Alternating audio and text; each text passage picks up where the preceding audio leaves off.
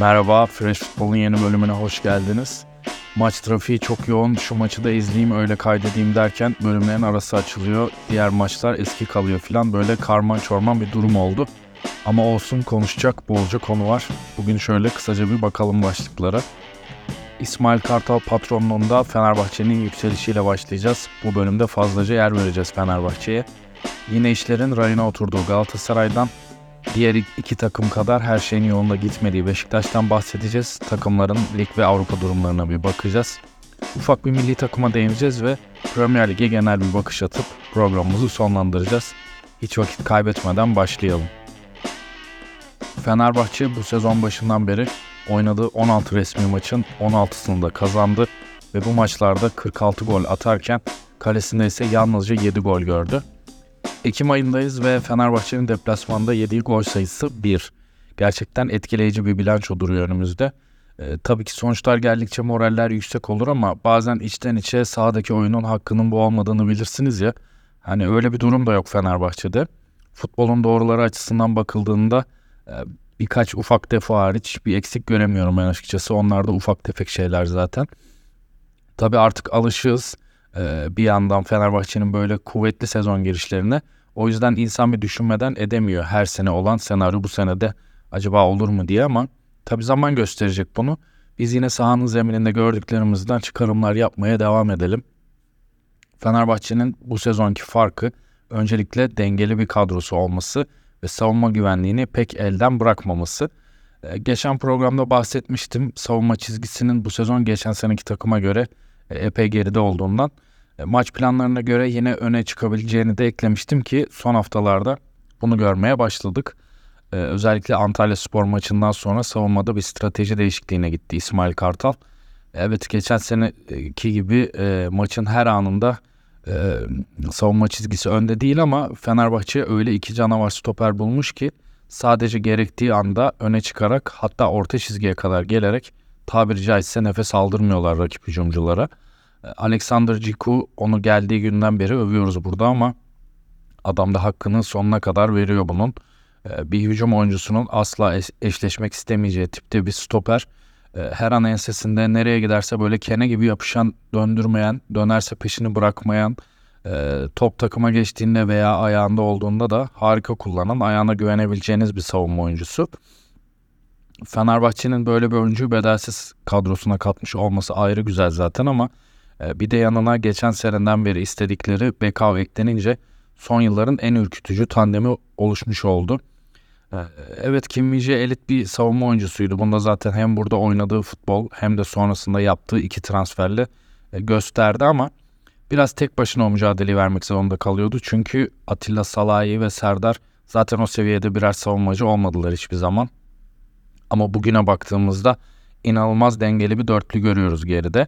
E, Sabek'te ülkenin Sasha Boy ile birlikte en iyi geçişi savunan oyuncusu Bright Osay Samuel.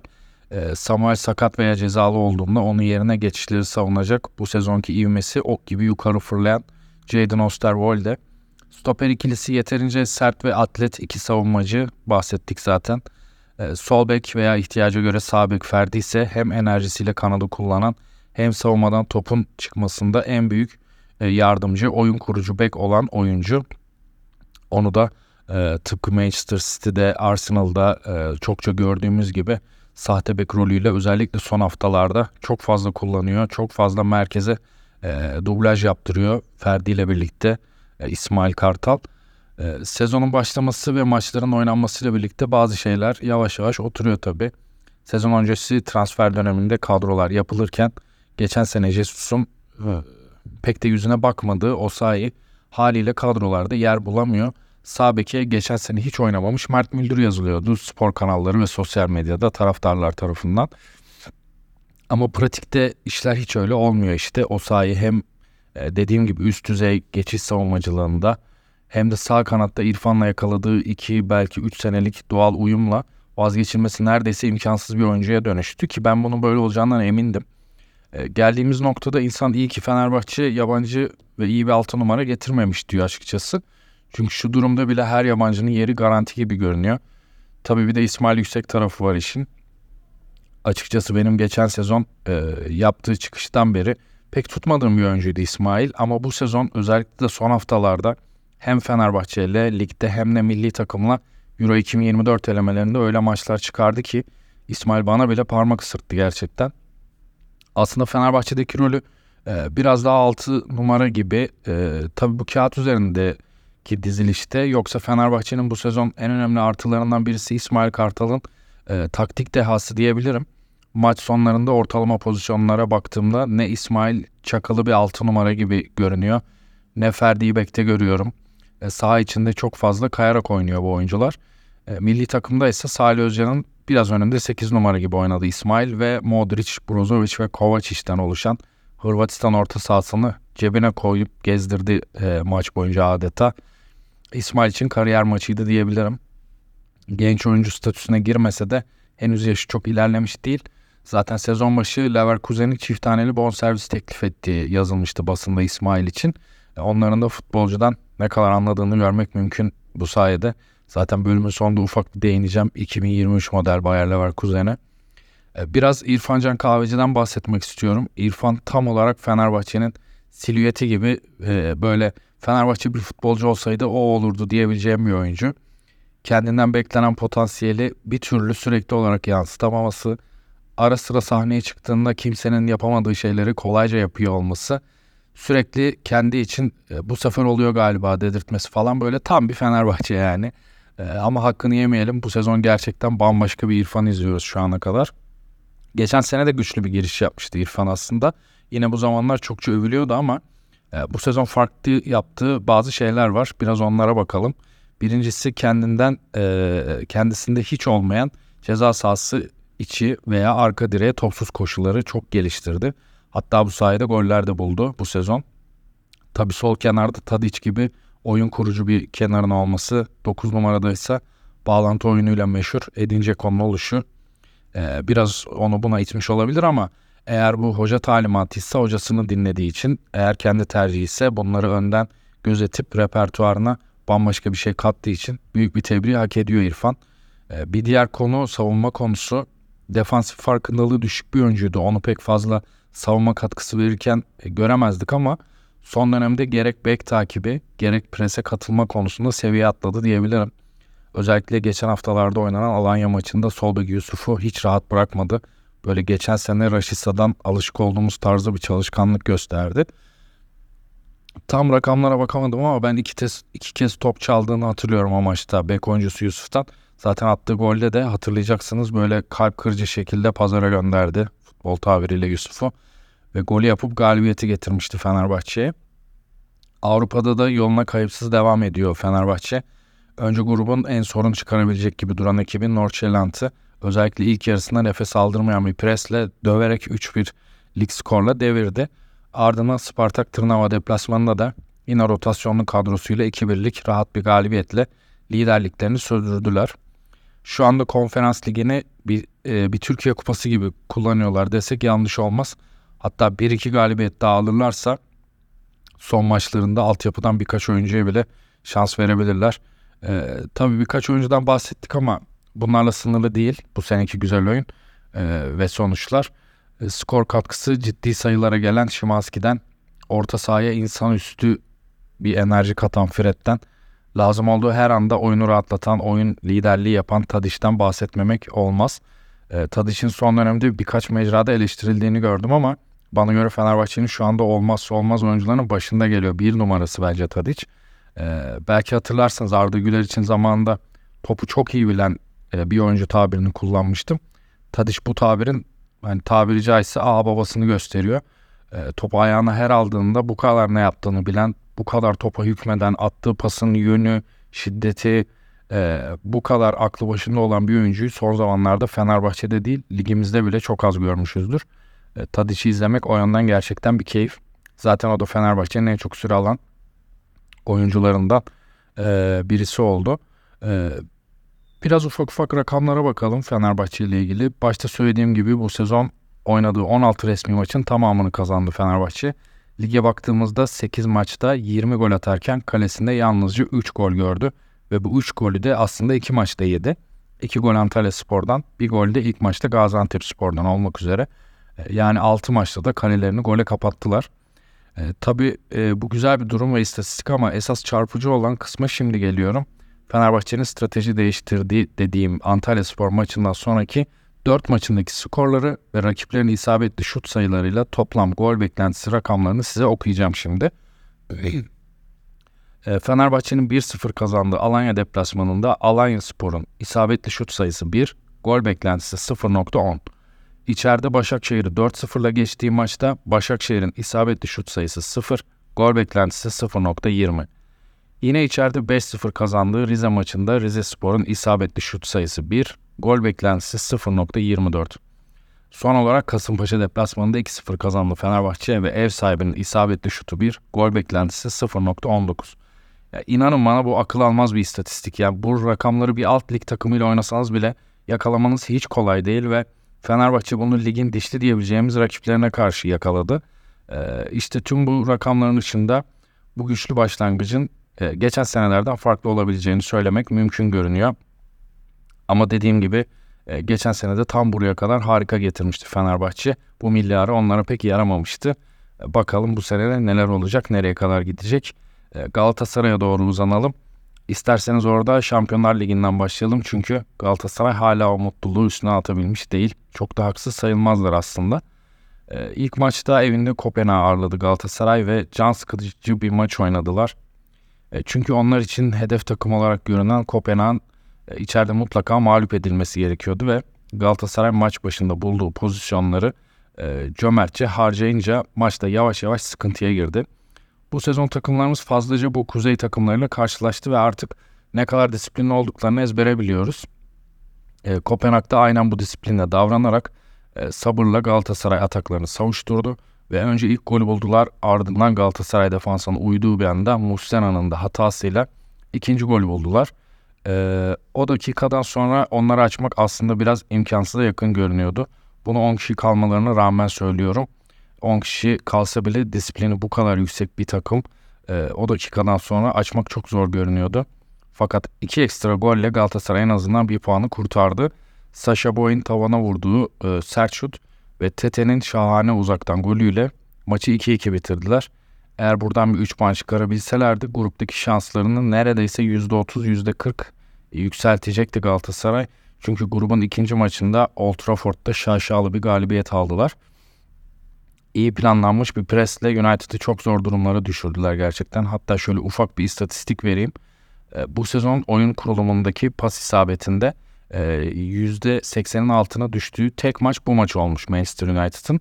E, Galatasaray'ın etkili presi onların oyun kurulumundaki pas yüzdesini %76'lara kadar düşürmüş. E, aslında golü bularak başlamıştı United maçı ama yediği iki golde de hiç kırılmayarak hemen reaksiyon verdi Galatasaray. Sonrasında Casemiro'nun da böyle kendi klasiğini göstererek oyundan atılması e, biraz rahatlattı onları. E, ve bir anlık savunma zaafından golü bularak 3 puanı alıp kaçtılar Old Trafford'dan. Ben açıkçası emin gibiydim bu maçı Galatasaray'ın kazanacağından. Hatta bahis bile oynamıştım Galatasaray'a. Nitekim düşündüğüm gibi de oldu. Henüz Ekim ayındayız. Ee, daha takımlar ve oyunlar tam oturmuş durumda değil. Ki Tete'nin, Ziyech'in yükselen formlarını da gördük Galatasaray'da. Tete için özellikle bir şeyler söylemek lazım. Ee, ben transfer bölümünde onu tanımadığımı, pek tanımadığımı belirtmiştim. Geçen sürede biraz izleme imkanım oldu. Zaten Galatasaray'da da formayı aldı ve daha çok izleyebiliyoruz. Ee, böyle hızıyla rakipleri ekarte edip e, kaleye inen bir pırpır kenar olduğunu düşünmüştüm Tetel'in ama aslında daha çok bir kanat oyuncu, e, oyun kurucu e, kenar olarak oynadığını görüyoruz. Yaptığı asistler merkeze veya yay çevresine attığı anahtar paslar bunun göstergesi mesela. Ee, Başakşehir maçında Ziyeh'e attığı top e, beraberinde golü getirmişti. Ziyeh de gerçekten usta işi bir vuruşla avlamıştı kaleciyi. Formu yavaş yavaş yükseliyordu ki onun da bir sakatlığı oldu yine. Zaten sakatlığı olmadığında ligimizde ne kadar fark yarattığını kolayca görebiliyoruz. Galatasaray ve Fenerbahçe makası o kadar açtı ki e, oyuncu kalitesi bakımından maçlar sıkıntıya girecek gibi olduğu anlarda bu kaliteli ayaklar bir anda çözebiliyor durumu e, bu sene diğer takımlara pek puan kaybı yaşamayacaklar gibi duruyor. Son olarak bir ekleme yapmak istiyorum. Başakşehir maçının e, başlarında sol bek Kazımcan sakatlandı ve Okan Buruk e, ne gibi bir değişiklik yapıp yerli denklemini bulacak diye düşünürken Kaan Ayhan'ı oyuna aldı ve Abdülkerim'i sol beke kaydırdı. Abdülkerim'in çıkışı sol bekmiş zaten ben bilmiyordum. Hatta e, Konya Spor'da da sol bek oynadığı maçlar varmış. E, gerçekten oranın da hakkını fazlasıyla verdi. E, her geçen gün repertuarına yeni e, bir şeyler ekliyor. Hakikaten onu hayranlıkla izliyorum. Hiç sırıtmadı sol bekte. Hatta onu birebir de zor durumda bırakır mı diye düşündüğüm rakibine bir çalım atıp böyle bir ortada kesti. Oliveira'nın kafasına kondurdu topu ama golü yapamamıştı. Oliveira direkten dönmüştü. Ee, sezon sonu Avrupa'da en azından baş altı takımların Abdülkerim için Galatasaray'ın kapısını çalacağını düşünüyorum. Eğer formu böyle devam ederse e, diyeyim ve en çalkantılı kulüp olan Beşiktaş'a geçelim. Beşiktaş, Trabzonspor, Kulüp Bruges, Adana Demirspor ve Lugano ile gerçekten kalp kırıcı maçlar oynadı. Gerek skor olarak gerekse bazı maçlarda oyun olarak çok fazla ezildiler. Bu rakipler karşısında ve kaçınılmaz bir son olarak Şenol Güneş istifa etmek zorunda kaldı. Biliyorsunuz ben geçen sezondan beri favori olarak görüyordum Beşiktaş'ı. Hala da hiç azımsanmayacak bir kadro olduğunu düşünüyorum. Sadece sağlıklı kalması şartı var bu kadronun. Çünkü sakatlanma eğilli ya da sakatlık geçmişi kabarık oyuncu sayısı biraz fazla ama dediğim gibi eğer onları sağlıklı tutup sahaya çıkarabilirlerse ki bunu şu ana kadar başaramadılar ama en azından lig için çok çok üstün bir kadroları var. Tabii Fenerbahçe ve Galatasaray ayrı tutarak söylüyorum çünkü bu iki takım zaten Ekim ayı itibariyle çoktan araya açıp gittiler ama e, şu anda içinde bulunduğu durum kadar da kötü bir kadrosu olduğunu düşünmüyorum Beşiktaş'ın. E, çok ciddi bir tepki var özellikle yönetime. Bence de e, iyi bir dönem geçirmediler ama bu dozajda bir eleştiriyi de hak ediyorlar mı emin değilim açıkçası. E, kısaca açayım ne demek istediğimi. Taraftar şu anda tabiri caizse kin kusuyor yönetime. Haklılardır da ama ben hiç kimsenin Şenol Güneş'e rağmen transfer yapabileceğini sanmıyorum. E, bu transferlerin hocanın bilgisi veya onayı haricinde yapılması bence imkansız. Hadi diyelim ki gerçekten öyle oldu. O zaman Şenol Hoca veda mesajında bile hala yönetim kanadını kollamazdı. E, düşünülenden daha derin bir sorun var ortada. Bu su götürmez bir gerçek. E, zaten öyle zannediyorum ki soyunma odasını da kaybetmişti Şenol Güneş. Özellikle Adana Demirspor maçından sonra Salih Uçan'a yaptığı çirkin hareket bunun özeti gibiydi. Bu tarz böyle old school diyebileceğimiz hocaların yeni nesil futbolcularla iletişimde ciddi sorunlar yaşadığını hem ülkemizde hem dünyada çokça gördük zaten. Muhtemelen bu başarısızlığın sebeplerinden biri de buydu. E, seçimli genel kurulun olacağı ve o tarihe kadar takım başında Burak Yılmaz'ın olacağı konuşuluyor. O da ilk maçında içeride İstanbul Spor 2-0 mağlup etmeyi başardı. Kim bilir belki de işler onun için iyi gider ve sezon sonuna kadar takımın başında kalır. E, Burak Yılmaz e, bekleyip göreceğiz. Beşiktaş için lig yarışı çok çok zora girdi ve konferans liginde bulundukları konumda pek iyi değil açıkçası. En azından ülke puanı için Avrupa'daki durumlarını toplamalarını diliyorum ve milli takıma ufak bir değinmek istiyorum. Bildiğiniz gibi Stefan Kuntz'la yollar ayrılıp takımın başına Vincenzo Montella getirildi. Baştan söyleyeyim Montella ile ilgili hiçbir sıkıntım yok. Hatta beğendiğim sezon başı Fenerbahçe getirebilir aslında diye düşündüğüm hocalardandı. Benim problemim ülkedeki saçma sapan sistem ve ikiyüzlü medyayla. E, şimdi şöyle bir bakınca Kuntz'un ipini çeken maç Ermenistan beraberliğiymiş gibi duruyor. Ve medyada adama edilmedik hakaret kalmadı. E, Stefan Kuntz iyi hocadır, kötü hocadır, milli takıma layıktır, değildir. E, ben bunları bilemem. Ha, kendi fikrim bence de e, ondan daha iyi bu işi kıvırabilecek en az 5-6 hoca vardı. Fakat Türkiye bu tipte takımlara tarih boyunca puan kaybetti zaten. Yani bunu Kuntz'a bağlamak bana gerçekten çok komik geliyor. E, şöyle bir sakin kalıp pardon e, resme dışarıdan bakıldığında bunun olması da çok normal zaten. Çünkü biraz hafızamızı zorlarsak hemen Fransa'ya kök söktürdüğümüz maçları e, Hollanda veya Norveç maçlarını hatırlayabiliriz. E, bizim için iyi geçen maçlardı çünkü kadromuz bu tarz takımlara karşı karşılama e, oyunu oynayıp hızlı geçişlerle veya duran toplarda sonuç almak için çok uygun bir kadro. E, veya çok uzağa gitmeden Hırvatistan maçına bakalım. E, neredeyse kusursuza yakın bir savunma yaptık ve şansında yardımıyla gol yemedik ve bulduğumuz e, hızlı geçiş şanslarını iyi değerlendirerek bir de gol bulduk. E, anlatmaya çalıştığım şey tam olarak bu. E, zaten günümüz futbolunda iyi organize olursanız kendinizden güçlü takımlara pek şans vermeden hatta bir de araya gol sıkıştırarak maçları bitirebiliyorsunuz. E, evet Letonya'yı iyi bir skorla mağlup ettik. E, bunun içinde hem Montella hem de takımı büyük bir övgüyü hak ediyor. E, ancak o maçta da ilk yarıda etkili değildik. Açmakta çok zorlandık ve Yunus'un ekstra golüyle öne geçtik. E, kaldı ki zaten e, 1-0 öne geçtikten sonra da e, oyunu domine eden taraf e, Letonya'ydı. Bir 10-15 dakika Letonya'ya oyunu verdik. Eğer e, 2-0'ı bulamamış olsaydık bu kadar çözülmeyecekti e, Letonya. E, zaten o ikinci golden sonra gevşeyen e, katı savunmaya da e, iyi sızdık e, ve 4-0 gibi e, iyi bir skorla Letonya'yı mağlup etmeyi başardık. E, fakat e, dediğim gibi sahadaki oyun ve e, Türkiye ile Letonya arasındaki siklet farkını gösteren bir oyun değildi.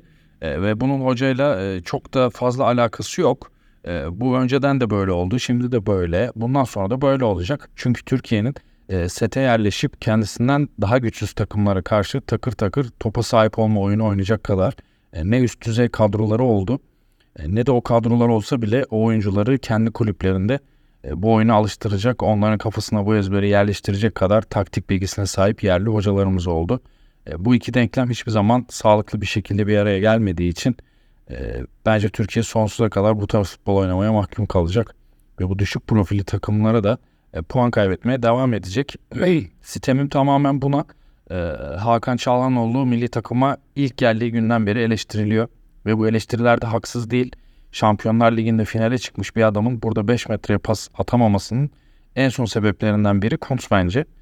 Ee, neyse uzattım biraz. Umarım Monteo ve milli takımımız Euro 2024'te son derece başarılı olur da yanılan ben olurum diyeyim. Ee, ve zirvede orada görmeye alışkın olmadığımız bir takımın olduğu Premier Lig'e doğru geçeyim. Premier Lig'de e, şu anda ilk iki sırada iki Kuzey ekibi, e, Kuzey Londra ekibi, Tottenham ve Arsenal bulunuyor. Ligin A'sı Manchester City'de ise işler birkaç haftadır pek yolunda gitmiyor ve 3. sıradalar şu an. E, geçtiğimiz haftalarda bu iki takımın karşılaştığı bir Londra derbisi oynadı, oynandı ve aşırı keyifli geçen mücadelede Arsenal ile Tottenham 2-2 berabere kaldılar. Tıpkı Fenerbahçe Beşiktaş maçları gibi bu maçlarda genel olarak zevkli geçen temponun pek düşmediği maçlar oluyor. Maçın şanssız ismi Cristian Romero'ydu. Önce kendi kalesine bir gol attı. Sonra da bir penaltı yaptırdı ama Tottenham bu iki golde de hemen reaksiyon vererek özellikle Madison, Heung-min Son işbirliğiyle iki gole de e, karşılık vermesini bildiler. Sonra da e, sonrasında da e, VAR skandalının damga vurduğu maçta Liverpool'u 2-1 ile geçmeyi bildi Tottenham ve zor maçlarının bir kısmını çok yara almadan atlattılar. Tabi üstüne bayağı bir süre geçti muhakkak denk gelmişsinizdir ama ben yine de kısaca bahsedeyim. Maçta Liverpool Luis Diaz'la bir gol buldu ve bu gol önce yardımcı hakemin bayrağıyla offside gerekçesiyle verilmedi. Sonra VAR kontrolü sonrası e, oyun en direkt serbest vuruşla başladı. Fakat pozisyonun offside olmadığı televizyondan izleyen biri tarafından bile açıkça görülebiliyordu. Nitekim maçtan sonra yapılan açıklamada VAR'daki hakemlerin maçın orta hakeminin golü verdiğini düşünerek ya da zannederek e, kararın doğru devam edebilirsin dediği ve orta hakemin de bu yüzden golü iptal ettiği açıklandı. E, yani bir Türk futbol sever olarak bu olayın burada yaşandığını düşünmek bile istemiyorum.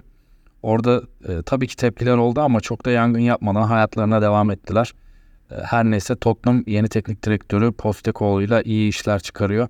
Tabii beklenti düşük olunca oyuncular üzerindeki baskı da doğru orantılı olarak düşüyor sanırım. Daha rahat futbol oynadıklarını gözlemliyoruz. Bu sezon ligi üst sıralarda bitirmeye adaylar bence. Şampiyonluksa hayalden öteye geçemez. Benim düşüncem bu yönde. Yine oralara aday e, başka bir aday Liverpool. Hatırlarsınız ikinci sezonun ilk bölümünde Liverpool'un bu sezon tekrar çıkışa geçmesini beklediğimi söylemiştim. Böyle sessiz ve derinden kimseyi rahatsız etmeden ilerliyor Liverpool. Onlar da ligin kalburüsü takımlarından Brighton'la 2-2 berabere kaldılar. Esasen tam Liverpool'un o yoğun baskısına uygun bir takım.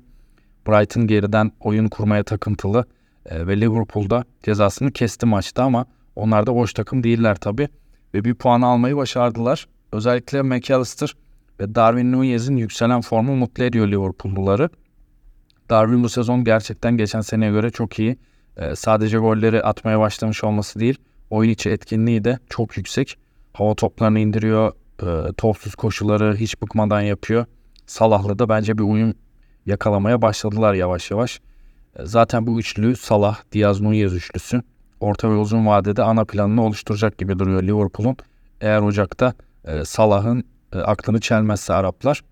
E, onlar da City'nin hemen arkasında dördüncü sıradalar ve dramatik puan farkları oluşmuş değil henüz Premier Lig'de. E, bu sezon kıran kırana bir şampiyonluk mücadelesi olacağı kesin. City demişken bu hafta onlar e, oynanan e, City Arsenal maçına da değinmemek olmaz.